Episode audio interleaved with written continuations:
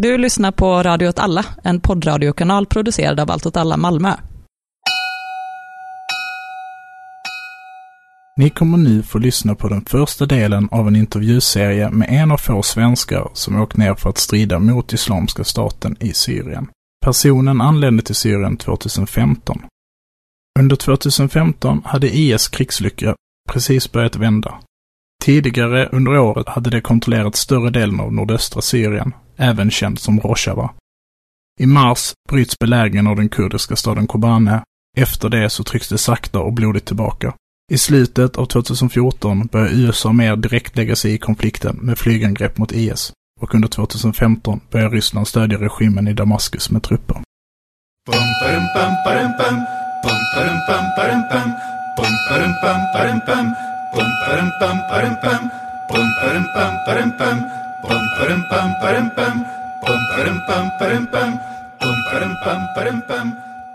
Hej och välkomna till ett avsnitt av Eld och rörelse.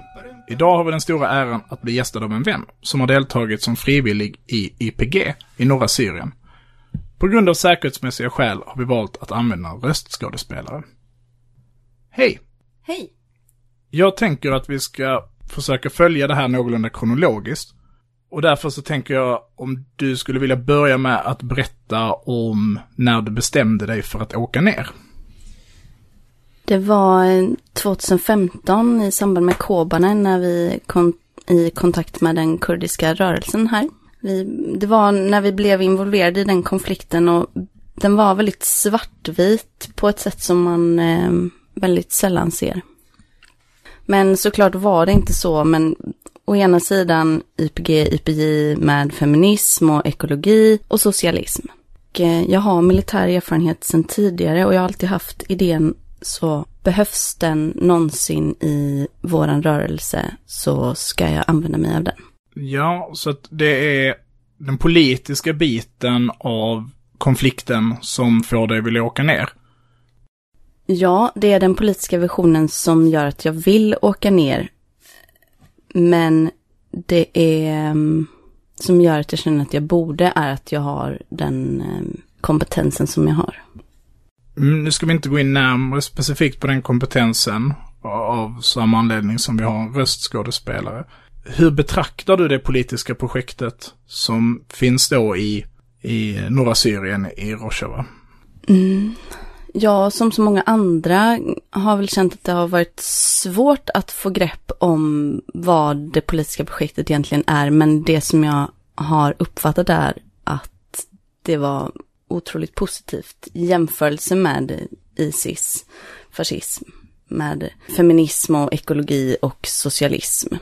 Nu går jag lite händelserna i förväg här nu, men du är ju inte den enda frivilliga som har åkt ner. Och det kan väl vara okej okay att säga att du inte har eh, etnisk koppling till regionen. Upplever du att du skiljer dig från andra svenskar du mötte på plats? Om du mötte några andra svenskar på plats, ska väl sägas. Det... Ja, det finns av um, alla de som åkt ner finns det väl två olika grupper. Dels de som är militärt intresserade och de som är politiskt intresserade. Skulle du säga att du tillhörde båda grupperna? Jag har både ett politiskt intresse och en militär kompetens, absolut. Vi ska komma tillbaka till de här andra västerlänningarna senare. Så jag tänker att vi struntar i dem nu. Du hade de här erfarenheterna, de militära erfarenheterna sedan tidigare. Var det några andra förberedelser du gjorde innan eh, du åkte ner? Det förutsätter jag att det fanns, men jag tänker att det kommer vara spännande att prata om det. Och då tänker jag liksom så här kontakt med folk där och hur det gick till och kanske dina nära och familj och liksom vilka saker tog du med dig och så. Den stora förberedelsen med att åka ner var egentligen att göra upp med sin egen dödlighet. Psykologiskt gå igenom att man kanske inte kommer komma hem och vara okej okay med det. Skriva testamente och sista brev och den typen av verksamhet det var den stora biten, för det var också psykologiskt jobbigt såklart. Sen vad det gäller att ta sig ner dit så var det egentligen väldigt enkelt. Jag hade kontakter tidigare inom rörelsen så jag skrev till dem. Åkte på ett möte i Stockholm och sen köpte jag bara en flygbiljett ner. Vad gäller utrustning så hade jag med mig skyddsväst, nattkikare, sådana saker som kan vara svårt att få tag i på plats. Just nattkikaren då, vad, vad, vad var det? Var det liksom en civil eller en militär variant? Eller? Det var en militär PVS 14. Och de har ju förstått att det har rått, eller rådde kanske framförallt stor brist på i, i eh, bland, de, eh, bland IPGs eh, styrkor. Absolut. Vi tog också med oss en extra som vi skänkte till min tabord. Så du köpte en flygbiljett ner? Då antar jag att du inte köpte en flygbiljett till Syrien? Köpte en flygbiljett till Selmani i Irak, norra Kurdistan. Så du hade skrivit ett testamente, jag antar att du, du gick du igenom den här processen själv på något, eller hade du människor runt dig eller? Av säkerhetsmässiga orsaker så höll jag det rätt så tajt. Men jag pratade med mina närmsta, men inte familj. Blev du uppmanad att inte åka? Ja, det var ju vänner som ifrågasatte varför jag skulle åka, absolut. Mm. Så du hade med dig, du hade med dig din nattkikare, du hade med dig annan, liksom annan eh, utrustning som kan vara svår att få tag på regionen. Och det antar jag att det var information du fick från de här mötena eller kontakten. Vad saknas där? Vad är svårt att få tag på? Eller läste du det till dig själv på något sätt? Jag läste mig till det själv. Men eh, sen är det också en sjukvårdsutrustning, typ toniké som jag vet kan vara svår att få tag på till exempel. Så du, du åkte ner dit, du tog flygplanet, sen passerade du gränsen in mellan irakiska Kurdistan in i, i syriska Kurdistan. Det är någon väderstrecksgrej här va? Södra Kurdistan. Jag kom till eh, irakiska Kurdistans, till Bashur som betyder södra och sen åkte jag till Rojava som betyder väst. Hur kan jag inte ha vetat att Rojava betyder väst? Det blir väldigt enkelt att komma ihåg. Så norra är turkiska Kurdistan då? Bakur. Och östra är Iran som betyder Rochelat. Hur möttes du då? Du, du passerade gränsen och sen vilken stad eller var begav du dig någonstans? Var det, du, jag antar att du hade någon med dig, någon guide eller någonting som kunde visa dig vart du skulle? När man kommer till Bashur, till Selmani, så möts man upp och sen så kommer man till ett safehouse. Där bor man ett tag tills det öppnas upp smugglingsrutter. Och sen smugglas man över gränsen på olika sätt. Jag åkte över Shengal. Och när jag väl var i Rojava så möttes jag upp av YPG-milis. Och sedan så åkte jag då till vår akademi. Det här safehouset, jag föreställer mig liksom typ en lägenhet eller något liknande. Var du där själv eller liksom var det andra som väntade på att göra samma övergångsresa? Det var andra med. Alla som åkte mm, samlades i det här huset. Så det var en, en mångetnisk eh, samling då på något sätt? Ja. Spridningen av människor som befann sig där? Var det liksom killar och tjejer eller män och kvinnor och olika åldrar? Eller fanns det liksom någon gemensam nämnare som, när du tänker tillbaka på det, som du skulle identifiera? Den tiden jag åkte så var det män och de som hade militärt intresse. Nu, nu känner jag ju dig. Hur kom du överens med de här, de här människorna? Jag kan vara diplomatisk, ja. Ja, ja det kan du. Du kom till akademin. Det är alltså någon typ av grundutbildningsakademi, eller liksom det, det är en militärakademi, eller en krigsskola. Det är en militär grundutbildning och det är för alla som ska göra arbete i Rojava, även civilt. Om vi tittar på den utbildningen, kan du... Jag vill veta ganska mycket om den, så vi, vi kan, liksom, det var en militär grundutbildning. Ungefär vad innefattades i den militära grundutbildningen? Det första, eller vi kan gå igenom en dag. Klockan sex så går man upp och har fysträning. Vad gör man då? Joggar främst, armhävningar och liknande. Utomhus antar jag? Utomhus. Hur ser, kan du beskriva miljön? Hur ser det ut? Var är vi någonstans? Hur... Du är i den regionen som heter Jasira. Du har berg runt omkring. Du, till exempel i närheten ligger berget Karacho. Det är öppna fält med oljeutvinning och frigående får med herdar, utspridda byar. Det var det första på dagen? Ja. Efter ni har gjort den här fys? Så var det språklektion. Det var kurdiska, lärde sig det kurdiska språket och seder. Efter det så var det vapenträning. Och då gick man igenom olika vapensystem. Från eh, Kalashnikov till RPG handgranater, kulsprutor och så vidare. Å ena sidan väldigt grundläggande utbildning, men, men alla blev utbildade i alla de här vapenslagen.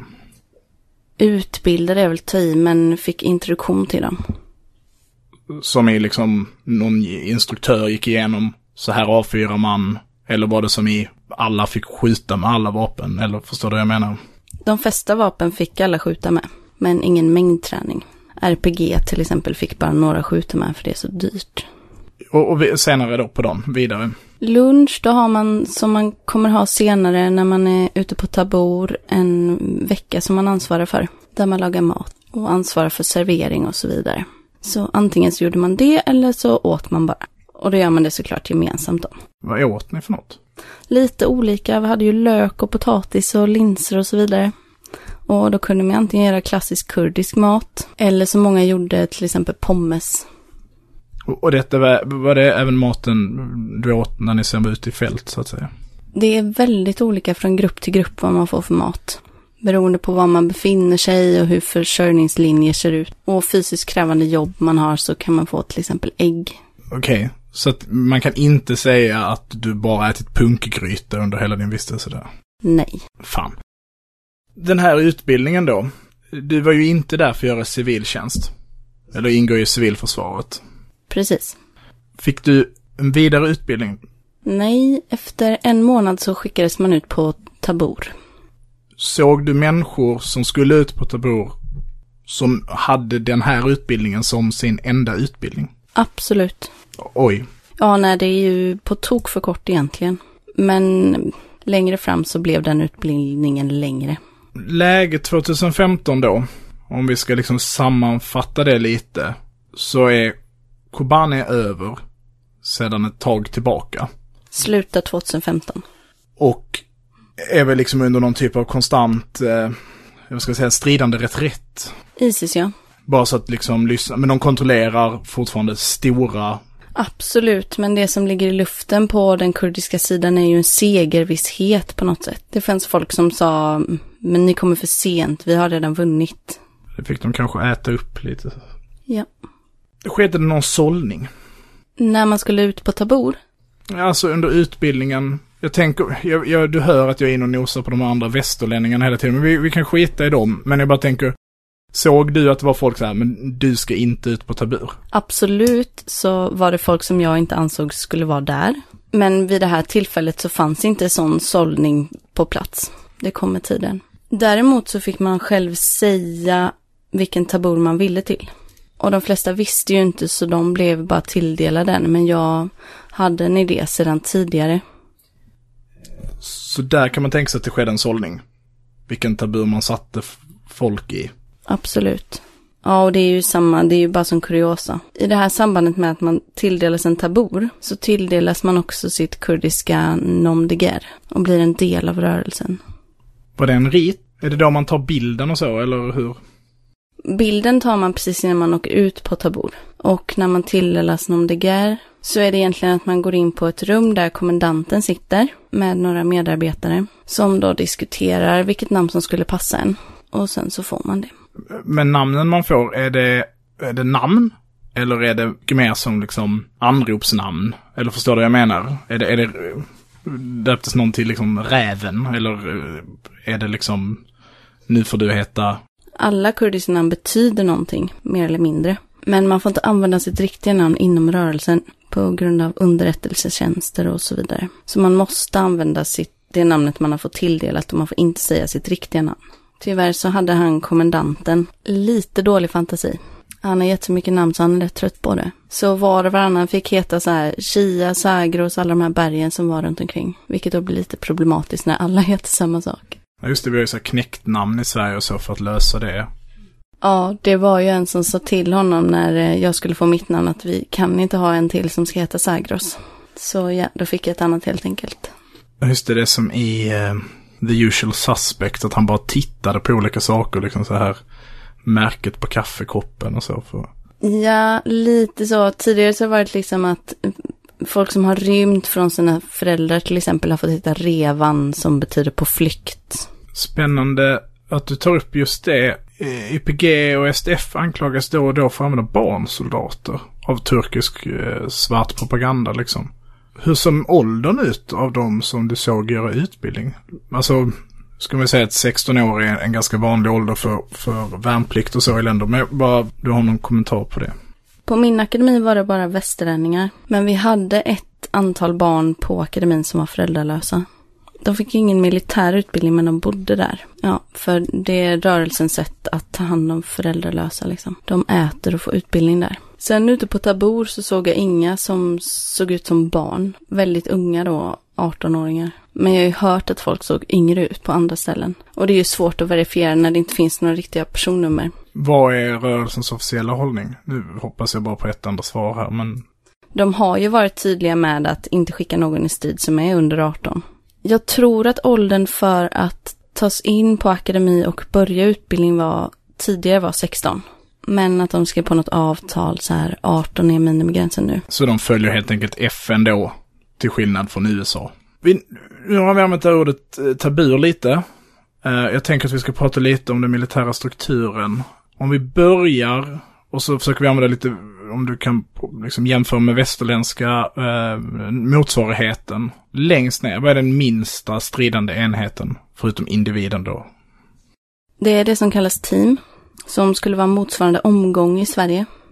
Och sen över det Takim. Som skulle motsvara en grupp. Ovanför det så har du då det som skulle motsvara en böluk. Det vill säga en pluton som sen går ihop till en tabor som är ett kompani. Normalt så är det tre stycken böluk i en tabor. I våran så var det bara två på grund av personalbrist. Så eh, plutoner då, böluk och taburen då är ett kompani. Slimmat kompani i ett, ett fall. De här orden låter ganska turkiska. Det stämmer, det är det. Kommer de från PKKs militära struktur eller är, alltså förstår du hur jag tänker? Hur kommer det sig att det är turkiska ord? Precis, det kommer från de eh, erfarenheterna från PKK som, eh, som lärde upp Rojava-styrkorna. Befäl och så, i, om vi tar då i Takim. Din Takim hade ett befäl. Precis. Och hur utnämndes den?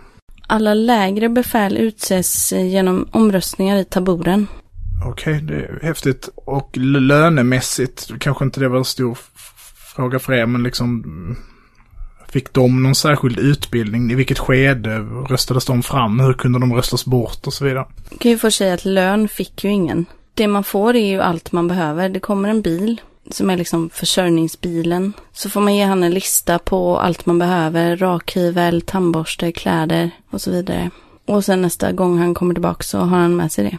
Och vad det gäller att rösta in folk så görs det ju antingen om en position är öppen eller om då någon skulle bli avsatt. Och vi har ju kontinuerliga möten varje dag egentligen där man kan lyfta en sån fråga. Om man skulle vilja avsätta, jag var ju inte med om det. Men du var med om att rösta in någon? Nej, jag var med när en blev utskickad ur taburen men inte som ledare. Det var en vanlig soldat. Var du med och valde din, ditt underbefäl? Mitt underbefäl var på plats när jag kom dit och han levde när jag åkte därifrån också. Då förstår jag. De högre befälen på taburnivå då och så alltså motsvarande kompanibefäl och eh, uppåt. Kommer de, de kommer liksom från eh, uppifrån då på något sätt? De måste ha gått en speciell skola, en taktikskola eller motsvarande som man måste ha ansökt till. Men de blir också i någon slags råd utsedda till vilken slags positioner de ska hamna på jag var såklart inte med och såg de här grejerna, utan det är bara sånt som jag har hört. Så här ser man lite hur kommunalismen då finns i det militära. I liksom den, den, politiska och den militära strukturen är inte helt separerade från varandra. Finns, finns det fler sätt där den, det, ert till, tillvägagångssätt skiljer sig på grund av den ideologiska inriktning som rörelsen har? Absolut. Det är ju dels utbildningsmässigt, där man la stor tid på det ideologiska också. Men också hur enheter skickades till strid. Stats, man säger statsmiliser, till exempel som finns nu Manbidge Military Council, bestämmer själva hur många de vill skicka och vilka de vill skicka till olika operationer. De står under liksom politiskt befäl. Men de styr inte över det själva såklart. Soldaterna bestämmer inte vilka fronter de ska åka till. Men ja, allting står under politisk kontroll. När du kommer ner så finns ju inte SDF än. Men YPJ finns ju parallellt med YPG och, och, är väl bara rakt av den kvinnliga delen av PYDs väpnade styrkor. Är det fel att säga så? Mm, delvis rätt. Det är ju mer än PYDs styrkor så står de under ett, ett bredare politiskt paraplysbefäl. Men det är ju de kvinnliga styrkorna. Och så som det är uppbyggt, till exempel med min tabor, så är en böluk YPJ och en böluk är eh, YPG. Och vi tränar tillsammans, och åker på operationer tillsammans. Oj, shit vad häftigt. Så har, okej, okay, lär jag mig grejer också. Det måste ju vara rätt unikt. Antingen så kan man ju tänka sig att man hade blandade eh, strukturer, alltså där, där eh, plutoner eller bölux hade, ja, helt enkelt blandade kvinnor och män i samma böluk. Eller en struktur där det var rätt separerade strukturer. Men, men det innebär att den, den kvinnliga böluken som ni arbetade ihop med ingick i samma tabur. För, förstår du? Alltså ni ingick i samma, samma kompani. Precis. Med en kvinnlig och en manlig ledare som, som bestämmer tillsammans vad taburen gör. En från YPG, en från YPI. Under, under utbildningen eh, la man vikt på att påverka er syn på att strida eh, integrerat med kvinnor? Det är en helt central del. En stor del av den politiska utbildningen handlar om rörelsens feminism, kallad gynologi. Och det omsätts också i praktiken. Skulle det till exempel vara så att en manlig kamrat beter sig illa mot en kvinnlig kamrat i UPJ så kommer den personen skickas på en utbildning i genealogi som är inriktad på just det han har gjort fel eller liksom det problemet som har varit. Och i de grupperna som man har i den här utbildningen så bygger det jättemycket på diskussion för att nå självinsikt. Och sen så får man komma tillbaks och skulle liksom problemet uppstå igen så får taburen bestämma hur man vill göra i ett gemensamt möte. Och då kan det ju bli att om problemet är kvar och man skickar tillbaka personen till grundutbildning. Och det är ju liksom bland något av det värsta man kan göra, att avskilja en person. Det finns ju ett väldigt starkt socialt band mellan personer som går igenom sådana här saker tillsammans och också en kultur som bygger mycket på kollektivitet och gemenskap. Så det är någonting som folk försöker undvika in i det längsta. Så därför brukar sådana här utbildningar och social kontroll hjälpa väldigt mycket. Vi hade några som hade väldigt svårt för feminism och kom liksom från väldigt konservativ bakgrund. Men de höll sig liksom i ledet på grund av det här sättet att äh, agera då. Skickas tillbaka till grundutbildningen blir liksom ett, ett sätt att komma åt äh, de som inte följer reglementet, eller man ska säga. Ja, som inte följer en politisk linje, som beter sig sexistiskt och beter sig illa mot äh, till exempel kvinnliga kamrater. Hur var den disciplinära biten? Jag tänker det här med att man har en kommunalismen som grund här vid uppvisad feghet till exempel eller ordervägran. Du förstår, kan du kommentera det på något sätt? Jag upplevde aldrig att det var ett problem på det sättet, för du är involverad på ett annat sätt. Vill du till exempel inte delta i frontstrid för att du är rädd, då kommer du ju skickas till en tabor som är längre bak bara. Och vill du inte vara kvar i det militära överhuvudtaget så är det ju såklart dig fritt att lämna. Bara de som är kador som eh, är livstidsaktivister som har skrivit upp for life som inte kan lämna. Men som kan flyttas till en annan position bara i så fall. Så mm, man, bygger, man vill inte hålla på med fängelser. För man ser det som ett eh, väldigt dysfunktionellt verktyg. För man, så man har mycket mm, utbildning och det sociala trycket, social kontroll för att skapa den här gemenskapen som man vill använda sig av. Hade du svårt för att inrätta dig det någon gång? Eller var du, det är en känslig fråga, men kände du av den här sociala kontrollen under din tid där? Som är att du rörde dig utanför? Jag tänker att ni var en ganska blandad grupp med, med människor och, och man kan ju, och det är en, du pratar om att under grundutbildningen så hade ni eh, seder eh, ingick liksom, att man agerar på ett sätt som kanske bryter mot den sociala normen där. Upplevde du liksom att du behövde bli inrättad i ledet igen under din, din tid där? Jag upplevde väl inte själva inrättningen så, men att det var mm, svårt att ta sig in i den eh, kurdiska gemenskapen. Det tog liksom tid och det hände väl delvis innan, men kanske främst efter att man hade varit i strid tillsammans. Jag tänker att vi ska gå vidare lite, även om jag tänker att det här är saker vi skulle kunna lägga ett, ett helt avsnitt som bara hade behandlat det här. En grej som jag kvar funderade på under den här, du, du nämner lite vapensystem, du nämner kulsprutor, du nämner Kalashnikov och RPG. Krigsmaterialet, eller vapen, som ni, ja, krigsmaterialet generellt. Du berättade att du själv hade en skyddsväst med dig. Jag antar att det är någon typ av plate carrier, eller vad man säger. Ni hade Kalashnikovs, jag antar att det är OKM. Lite blandad kompott. Vi hade AKM, kinesiska typ 56 eller vad de heter. Polska Tantals, M16 och så vidare. Såg någon enstaka AK74 med. Det här krigsmaterialet, vi har ju i tidigare avsnitt eh, behandlat lite hur ES fick tag i vapen. Men som du beskriver så hade den alltså kinesiska och eh, AKM då ryska, troligtvis.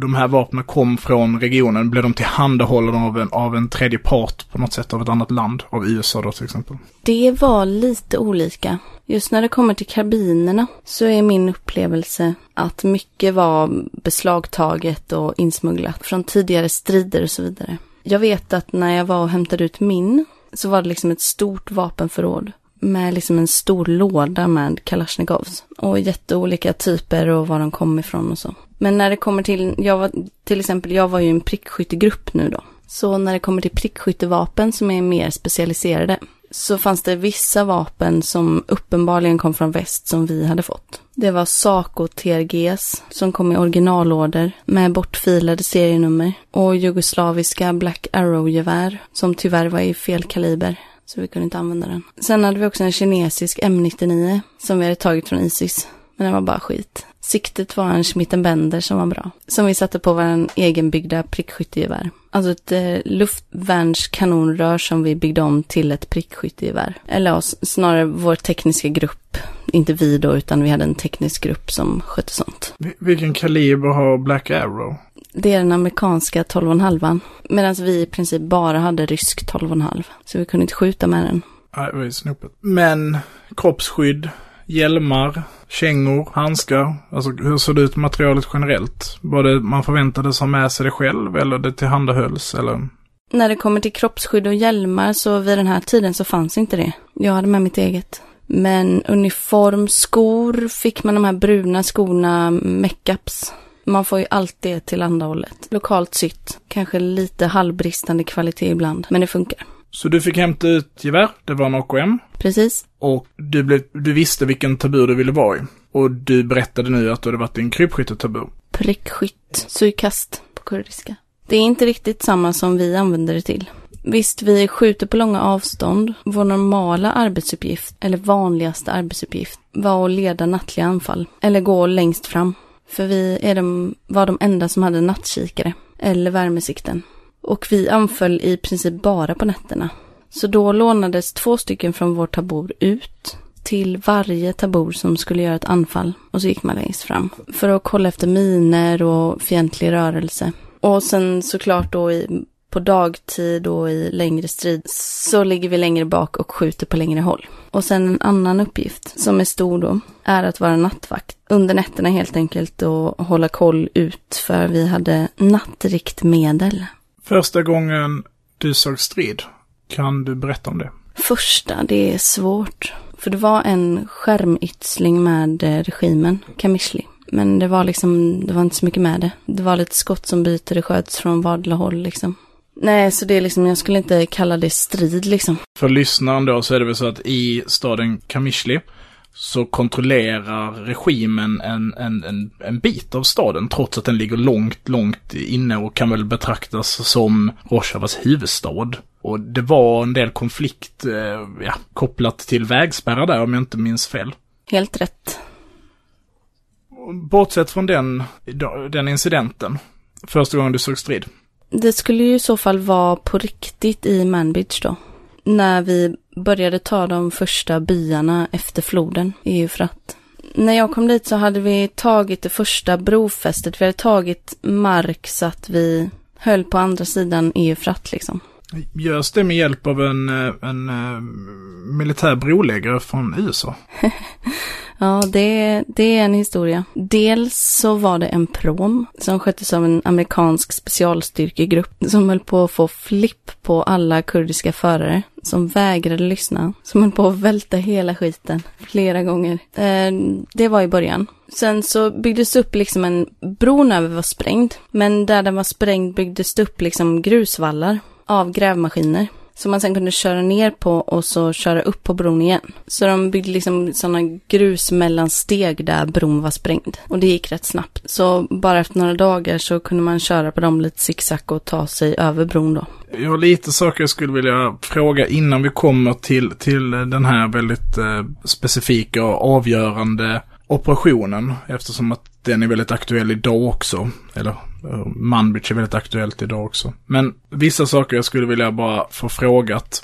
Du beskrev nattpatruller. Hur skulle du gradera stridsförmågan mellan eh, er då och, och fienden? Isis har ju verkligen, alltså, ja, det är ju såklart olika. Det finns ju lokala förmågor precis som allt annat som kanske inte har jättehög nivå. Men generellt så hade de ju en extremt välutvecklad taktik. De anpassade sig liksom hela tiden efter vad vi gjorde och kom med motdrag. Så till exempel med flyget, så grävde tunnlar, byggde in sina tunga kulsprutor inne i husen, satte luckor liksom uppe på husen och sköt ut med granatkastare och sen stängde luckorna. De hittade liksom hela tiden sätt att gå emot våra drag. Så väldigt mycket uppfinningsrikedom och väldigt taktiskt avancerat och jättehög stridsmoral. Fanns det specifika ES-förband som ni liksom kände till eller hade någon liksom särskild eh, känsla inför? Eller var de liksom en, en, en hord för er? Som prickskytt så hade vi ju alltid eh, andra prickskyttar som given fiende. Det hände ju flera gånger att vi hamnade i sådana här duellsituationer. Där vi blev utkallade till ett område där en prickskytt hade skjutit ihjäl folk. Och så försöker vi hitta var han är, medan han försöker hitta var vi är. Och det är ju alltid en jäkla gamble liksom. Så det är ju nervigt. Och mm, vi hittade ju också en handbok, eller snarare liksom ett kollegieblock med eh, anteckningar. Efter en bombning med en motorcykel med en eh, Isis-förare som var prickskytt. Det var anteckningar på engelska, på brittisk engelska. Från deras prickskyttutbildning precis utanför Aleppo någonstans. Och den var ju extremt avancerad. Det var saker som lufttryck, höjdskillnad, kulbanor, krutmängd och så vidare. Väldigt avancerade grejer. Och även en spaningsrapport på våran position. Så det gjorde ju att alla blev liksom lite extra nerviga för ja, vi visste vad de hade för kapacitet. Och generellt var den betydligt högre än våran. Sen hade vi några som var lite bättre än det, men ja, generellt liksom. Och inom YPG, hur skulle du säga? Vilka förband, idag är det lite mer utkristalliserat, men liksom vilka taburer var det som höll väldigt hög kvalitet och vilka taburer var det som höll väldigt låg kvalitet? Det fanns ju olika uppgifter inom YPG YPJ. Min tabur då, som surkastprickskytt. Vi hade ju mer träning och så i och med att vi hade en mer offensiv roll. Samma med de eh, som hade sån harket-tabor, som betyder rörliga taborer, som åkte runt där det behövdes. De hade en högre utbildningsnivå. Sen finns det taborer som egentligen bara vaktar mark som har tagits. Så då finns det ju såklart en skillnad där i vad man får för utbildning. Samma med de som heter Silla Grand, som betyder tunga vapen. De har ju också en högre utbildningsnivå för de går i bräschen när det är daganfall. Ni samverkade ju på något sätt under den här tiden med det amerikanska luftvapnet, eller koalitionens luftvapen, för, för, för luftunderstöd. Hur såg den samverkan ut? Alla grupper som skulle ut på uppdrag hade en iPad motsvarande med Google Maps, ja, eller liknande Google Maps. Där man kunde se vilka hus man kunde få stöd mot. Man tog ut de koordinaterna, skickade dem på radio upp till ledningen, som sedan vidarebefordrade det till amerikanarna. Och det gick väldigt smidigt. Det var ett väldigt snabbt och, och välfungerande system.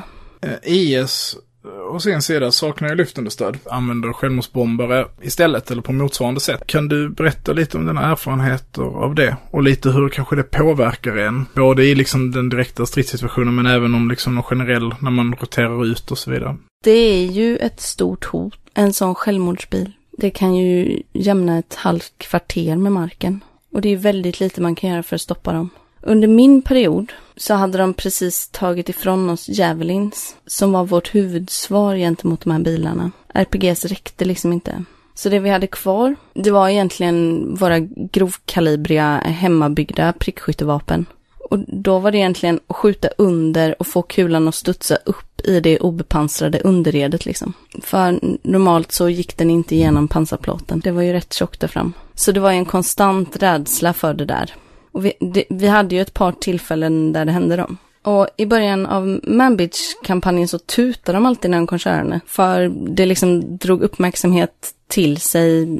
Folk kom ut och undrade vad fan är det som tutar. Men ja, det, det där ändras ju också över tid. Och vi hade någon sån situation, det var mitt i natten, låg och sov. Så hörde bara en motorvarva som kom emot oss. Vi flyger upp, tror aldrig jag varit så rädd i hela mitt liv. Vi tar grejer och bara springer. Sen så får vi tag i vår chef utanför. Som säger att det är en maskin som har kommit för att bygga trenches åt oss. Men det hade han glömt säga. Det stod liksom hela taburen skräcksagna i kalsonger utanför liksom. Men annars skulle jag säga personligen att eh, granatkastareld är det obehagligaste. För att man hör den komma. Och den visslar, man hör den länge, man kan inte göra något. Man får bara ligga på backen och trycka ner sig och vänta på att det smäller. Det är min erfarenhet. Du beskriver att när ni ska um, korsa Efrat, där brohuvudet vid Efrat, är det amerikanska specialstyrkor som är, är där och är irriterade. Vet du vad det är för amerikanska specialstyrkor? Eh, de hävdade ju själva att de, är, de var britter. Men det hörde man ju tydligt på dialekt och såg på utrustning och så. Att det inte var sant. Även franska och brittiska för den delen. Specialstyrkor vet man ju har befunnit sig där. Var det någonting du såg av? Absolut. Fransmännen, de stötte vi på direkt. Det var de första jag träffade på andra sidan Eufrat. De höll på med en drönare och lät oss se på övervakningsbilderna från byn vi skulle ta. De var jättetrevliga och faktiskt de enda som jag inte skulle kunna se var specialstyrkor. De hade samma uniformer som oss, våra uniformer. Det här kassa tyget. Det man såg det på, det var dels pistol. Baguetterna. Och baguetterna. Och att de var två meter långa och stora liksom. Så då vet du inte heller vad det var om det var liksom eh, legionen eller om det var eh, fallskärmsjägare eller vad det kan vara för något. Det var inte legionen. Det var någon slags specialstyrka liksom. Och sen britterna stötte vi på senare. Som de fick höra om, det var, det var någonting, något val till EU eller någonting som jag inte minns längre. En av våra brittiska kamrater berättade för dem om valresultatet i alla fall minns jag. Och de hade ju total internettystnad själva, så de hade ingen koll alls. Så de blev helt upprörda över det här valresultatet. Man stod och tjötade med vår kamrat länge. Så då kom det ju fram i de diskussionerna att de var liksom SAS. Men det var de enda som sa någonting om det. Tyskland hävdar ju själva att de inte var där. Många andra hävdar att de var där. Är det någonting du kan bekräfta eller dementera? Såg aldrig några tyskar. Alltså tyska specialstyrkor. Gott om tyska frivilliga. Nu börjar del ett av det här avsnittet eh, nå sitt slut. Eh, men jag tänker att innan vi blir klara så, så skulle jag vilja återkomma till den första stridskontakten. Det var under befrielsen av eh, Manbridge. Skulle du vilja berätta om hur det gick till? Absolut. Det är ju i då de första förstäderna till Manbridge, snarare byar längs med M4-motorvägen. Det är den som har varit eh, väldigt omskriven nu under den turkiska invasionen.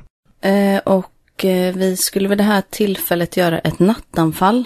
Och då var det från en liten by vi hade tagit, över en åker, kanske 300 meter, fram till motorvägen.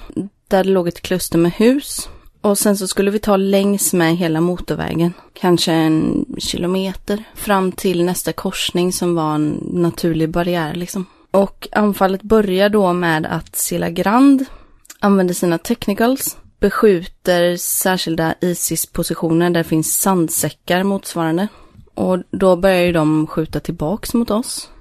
Och så pågår det så ett tag tills våra technicals har tryckt ner elden. Och min grupp eh, grupp två då att ta sig över den här åken mot de här husen. Och jag minns vi, vi springer där och vi har liksom ingen fientlig eld mot oss i det läget. Men när vi har kommit kanske halvvägs så börjar det liksom skjutas mot oss. Man hör hur det knäpper runt omkring och viner av kulorna liksom. Man duckar, försöker springa lite snabbare. Och då märker jag att tjejen som bär vår kulspruta, vår, våran eh, PKM, hon är helt utslagen. Hon, hon är inte träffad, men hon är så himla trött. Hon är helt slut. Hon bär en ryggsäck full med ammunition liksom. Springer tillbaks till henne, försöker ta ryggsäcken. Men av liksom någon stolthet eller något så vägrar hon ge den, jag vet inte vad. Jag får liksom kuta vidare och försöka komma till det första huset. Och när vi kommer fram dit så tar vi liksom position uppe på taket. Och då tittar jag bak och då kommer hon liksom gående över fältet under fullständig beskjutning. Men hon tar sig in och hon blir liksom inte träffad. Och ehm, sen så försvarar vi det här, den här positionen medan den andra gruppen tar sig vidare och eh, ska ta en maskinhall eller motsvarande. 100 meter längre fram. Så egentligen så klassisk eldrörelsesituation. Och när de har nått fram dit så försvarar de den positionen. Vi springer fram och så tar vi oss in i den här hallen då för att rensa den. När vi kommer in så är det liksom ett stort, det är liksom utlagd mat som ligger på golvet. För torkning eller, eller för, förklara? Som en måltid. Ah, ja. Så när vi kommer in så hittar vi liksom en vettskrämd civil familj. Men vi förklarar liksom att vi är här, vi är bara här för att och, um, befria från Isis, att vi inte vill dem illa. Så de lugnar ner sig rätt snabbt. Och så frågar vi om de vet var Isis finns. Och då är det liksom nästa hus upp för vägen, liksom kanske 250 meter längre upp. Så då tar vi oss ut ur huset igen. Och på samma sätt då att en grupp går fram och skyddar och så kommer de andra efter så växelvis framryckning så tar vi oss till det här huset. Och nu börjar det liksom bli rätt mörkt. Så vi tar på oss våra um, PVS 14, våra mörkerriktmedel. Och det här huset, det är liksom inte färdigbyggt utan det är stöttor överallt inuti det. Så det är jäkligt svårt att ta sig fram i det. Becksvart så vi går då längst fram, alltså vi prickskyttegruppen, vi två, och tar oss igenom det här och hittar en trappa, kommer upp på taket. Så ser vi liksom att det ligger hylsor överallt, det är därifrån de har skjutit, men ingen är kvar. Så vi fortsätter längre upp eh, längs vägen ytterligare en bit tills vi kommer till det sista huset innan korsningen, som då är det sista vi ska ta. Och där stannar vi upp, jag och min eh, prickskyttekollega. Vi tar oss ut bakåt liksom för att säkra vår flank och kolla av husen eh, bakom oss. Och där hittar vi jättemycket civila som liksom samlats upp på ett ställe och som ska försöka ta sig bakåt. Så det är liksom det första tillfället som jag eller vi liksom träffar de här större flyktingmängderna. Hur många skulle du säga att det var? Kanske 30-40. Så vi får liksom kalla in mer folk för att muddra dem och kolla av så att ingen har vapen liksom. Finns rädslan för självmordsbombare där då också?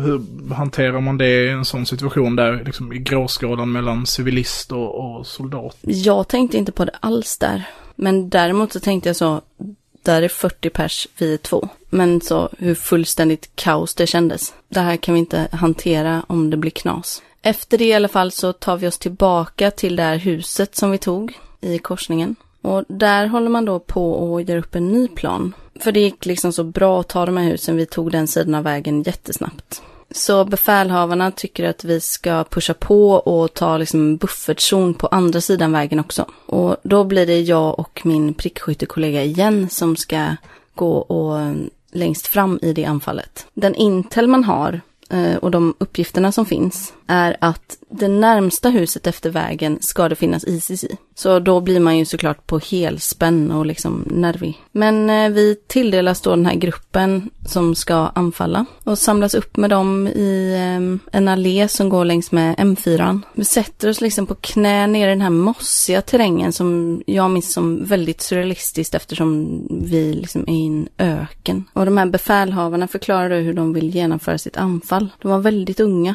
Det var säkerligen deras första riktiga stridsuppdrag. Och så som de ville göra är liksom mer eller mindre att bara gå raka vägen över vägen. Och sen liksom bara gå genom terrängen 200-300 meter och så bara ta det här huset. Och då är liksom ett öppet fält, liksom en åker mellan huset och vägen. Och min prickskyttekollega, och som är kurd och har varit med väldigt länge, han kanske var 30-35, något sånt där. Och det är väldigt gammalt i den här rörelsen då. Ja, för folk dör tyvärr väldigt tidigt. Så han har då erfarenhet och säger då väldigt trevligt men säger liksom det där är inte så bra. Och i hans mening så borde vi då liksom ta över vägen i skydd av skogen, ta ner i en svacka, lämna kulspruteskytten som täcker oss då. Och så tar vi oss längs med den svackan fram till huset för att sen kunna anfalla det. Och då hade vi varit i skydd i princip hela vägen. Det skulle ta längre tid. Så de här yngre befälhavarna tycker liksom att, ja ah, nej, det är för krångligt, tar för lång tid, vi har en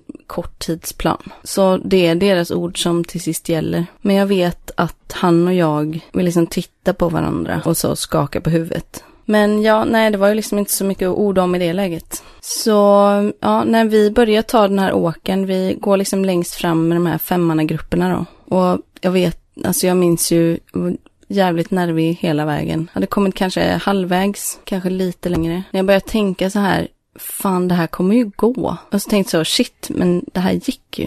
Och Så tänkte man bara, det här skulle ju aldrig gå. Och någonstans där så bara börjar det smälla. Och jag vet att jag instinktivt bara dyker. Jag hamnar på backen, får upp vapnet, kollar med min nattkikare och ser liksom ljusblixtar som kommer uppifrån taket och skjuter mot den. Jag tittar mig runt och då ser jag flera stycken av mina kamrater bakom mig som liksom rör sig jävligt onaturligt och vrider och vänder sig. Någon rullar längs med åken. Så jag är ju rätt övertygad om att de är träffade liksom. Men då ser jag också att min eh, prickskyttekollega har börjat skjuta. Så jag tar upp mitt vapen igen och skjuter mot den här ljusblixten. Och, och då kommer det ett spårljus. Vart tredje skott är spårljus i mitt magasin. Och jag ser att det spårljuset tar i muren under den här ljusblixtarna. Så jag höjer lite grann och skjuter igen. Jag vet inte om det är jag som träffar eller om det är min kollega som träffar. Eller om han bara blir skrämd. Men han slutar skjuta i alla fall. Så då kom det inga fler skott från taket. Och då vänder jag mig om igen. Då får jag liksom en kall kår över hela kroppen. För då ser jag liksom att hela gänget har kubbat eller liksom tagit sig halvvägs tillbaka över hela åken. Så det är bara jag och min kollega kvar. Nej, då blir man ju riktigt rädd. Men som tur är så sätter han sig upp och börjar skjuta och peka mot mig att jag ska springa bakåt. Så jag kutar bak och sätter mig ner och gör samma sak. Så vi skyddar varandras tillbakaryckning tills vi har kommit tillbaks till den här lilla skogskanten då. Och där hittar jag liksom det här lilla gänget som sitter lutade mot träd lite längre upp. Några står runt. Så jag försöker fokusera min nattkikare för allt blir liksom suddigt på nära håll så jag försöker ställa in den. Men så ser jag också att, och känner också sen att det är blod på den som sitter mot trädet på handleden. Så jag drar fram mitt första förband och lägger om det där lite snabbt. Med någon sten lägger jag emellan med och försöker göra någon sorts tryckförband. Sen går vi vidare till nästa, en som är träffad i armbågen. Och sen hittar jag ytterligare en fransk kamrat, Gabar, som hade blivit skjuten genom hälen, så i princip hela hälen är bortsliten. Så min kamrat skjuter ju fortfarande mot det här huset, där det nu har börjat skjutas tillbaks från ett av de nedre fönstren. Men vi drar oss gemensamt tillbaks till det här huset och försöker dra de skadade dit. Gabar vägrar få hjälp, som någon stolt fransos. Han typ rullar den sista biten in till huset jättedumt. Så när vi kommer in där så har vi ju då fullt skydd där uppe på taket och de har börjat skjuta mot det här huset. Alltså det fanns andra grupper i det huset. Så där börjar vi lägga om de skadade mer.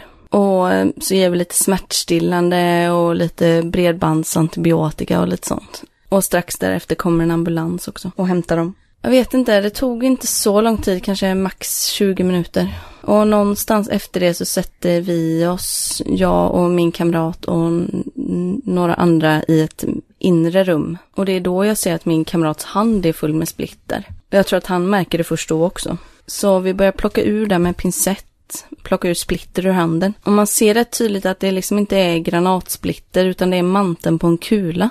Man ser liksom kopparmantel överallt i hela handen så det är liksom en kula som har, som har splittrats och exploderat på något sätt. Och samtidigt som jag sitter och plockar i hans hand så ser han att jag också har splitter i underarmen då. Vi snackar om det efteråt och försöker liksom lista ut vad fan det var för något. Man har ju, man har ju hört så rykten om exploderande kulor och sånt. Och det finns ju i de större gevären, men det här var liksom 762. Tydlig sån mindre kula, PKM måste det vara med tanke på hur han sköt. Nej, jag har ingen aning, men det var i alla fall jättemycket splitter. Sen när vi tog av Gabars sko så var det ju liksom bara en blodig röra. Han hade egentligen ett jättelitet ingångshål, men hela hälen var bortskjuten. Så man såg liksom hälbenet. Så vi var liksom så ganska säkra på att han inte skulle komma tillbaks. Och han åkte väl hem där efter det tror jag också. Jag träffade han i Europa en gång efter också. Sen åkte han tillbaks och han är ju en av de internationella som har dött där nere nu. Så ja, det var väl egentligen i stora drag den första stridskontakten där nere. Ja, tack så jättemycket för den berättelsen. Eh, mycket att, ehm, att ta in. Och ni, ni lyssnare kommer få, få höra hur um, operationen av för befrielsen av Manbitch fortsätter i, i del två av det här uh, avsnittet. Som kommer komma ut efter ett tag. Jag tänker att jag kommer lägga ut telefonnummer eller så dit man kan uh, swisha eller ge pengar antingen till kurdiska röda halvmånen eh, eller till eh, något motsvarande eh, i samband med att vi lägger ut det här avsnittet. Påminn mig om jag inte har gjort det.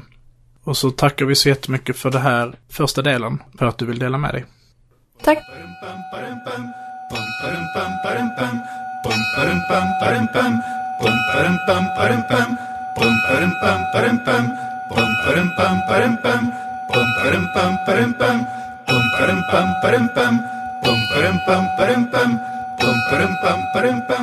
Pum, pa-dum, pum, pa-dum, pum.